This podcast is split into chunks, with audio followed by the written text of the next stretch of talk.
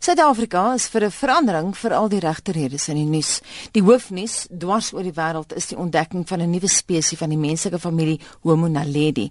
En ons praat nou met die navorsingsleier en paleoantropoloog verbonde aan die Universiteit van Witwatersrand, professor Lee Burger. Goeiemôre, good morning. Good morning. One of the most remarkable aspects of this find, Professor, is the hypothesis about the burial chamber. Let's just listen to a clip about this. It is related to us in some way, but whether that's as a direct ancestor or just a distant cousin, that'll have to take some time. What is your hypothesis about the Naledi well, chamber?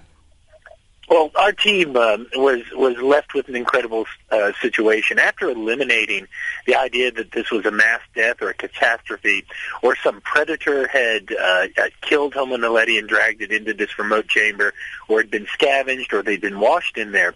We were left really with the inevitable conclusion that this small-brained uh, human relative, but not a human, had deliberately disposed of its dead. And why that's important is because until this moment in history, we thought that the deliberate disposal of the dead and, and those sort of ritualized behaviors that go along with that were uniquely human. In fact, they have uh, defined what it is to be human. At this moment now in history, we have to accept that perhaps we can't use that definition. Homo naledi seem to be practicing the same behaviors. Professor, how important is this discovery? Well, it's important on many levels. One, we have, uh, for the first time, an extraordinary window into the origins of the genus Homo, not just from a few fragments, which are typical of, of that sort of moment in, in our evolutionary history, but from thousands of remains, more than 15 individuals, and thousands of remains more to come. Secondly, we have an unprecedented look at a brand new species. We've been joined now uh, on, a, on a species that we didn't know existed yet, existed yesterday, and that's very exciting for humanity.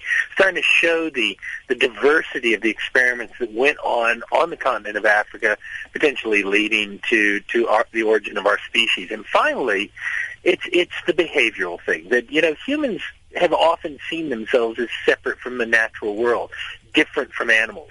We've been slowly, as, as science has explored the natural world, been taking away many of the things that separate us from the animal kingdom. Homo naledi pretty much takes everything away. That is, it, it joins us with this natural world, showing that there's really no differentiation, even our, in our most complex behavior, like ritualized disposal of the dead and is by by implication uh, recognition of self mortality is not unique to humans. Professor Berger, you referred just now to the small size of the brains. Now we know that the brains of of uh, Homo naledi was about a third of ours today, but do you reckon there was any communication between them? You know, that's that.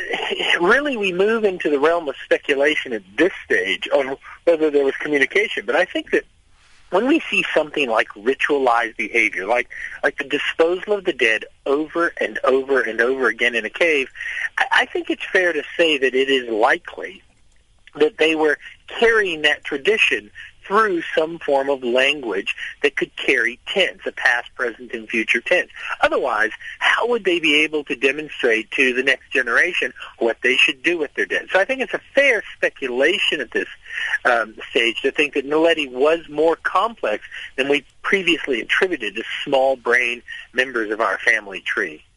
On a personal note, and we've interviewed you many times, you've been involved with many expeditions, whereas with the Rising Star expedition, you've had to take a back seat because you couldn't physically get into the chamber. How does that feel? You know, I, of course, I would love to be in that chamber. I'd love to stand there. I'd love to collect those fossils. I think it'd be a moving moment. But uh, one of the problems is, of course, I'm not physiologically appropriate to go through a 18 centimeter slot, and never will be.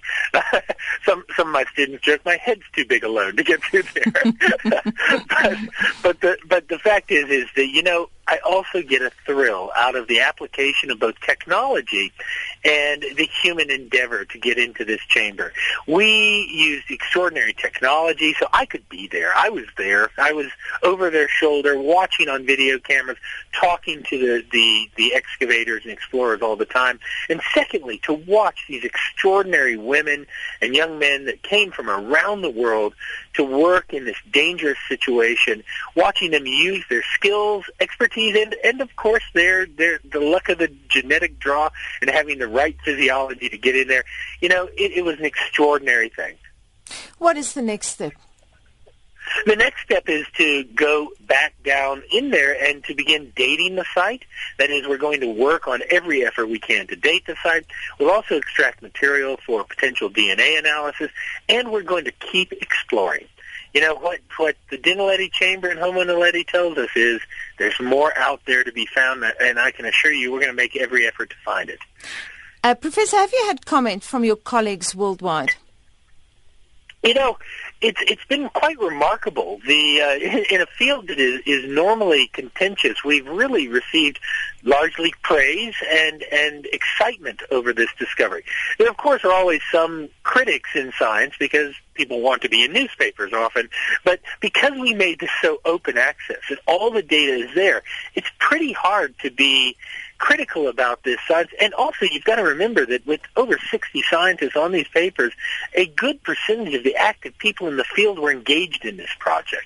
So the tenor of the debate, and I hope people see that, has been lowered. It's not the normal argumentative nature that we normally see in paleoanthropology. Uh, and that's uh, in, in a tribute to the way our scientists have conducted themselves in an open, collaborative manner. Thank you very much for this interview. Dit dan die paleoantropoloog verbonde aan die Universiteit van die Witwatersrand, professor Lee Burger, en hy het gepraat oor die ontdekking van 'n nuwe spesies van die menslike familie Homo naledi.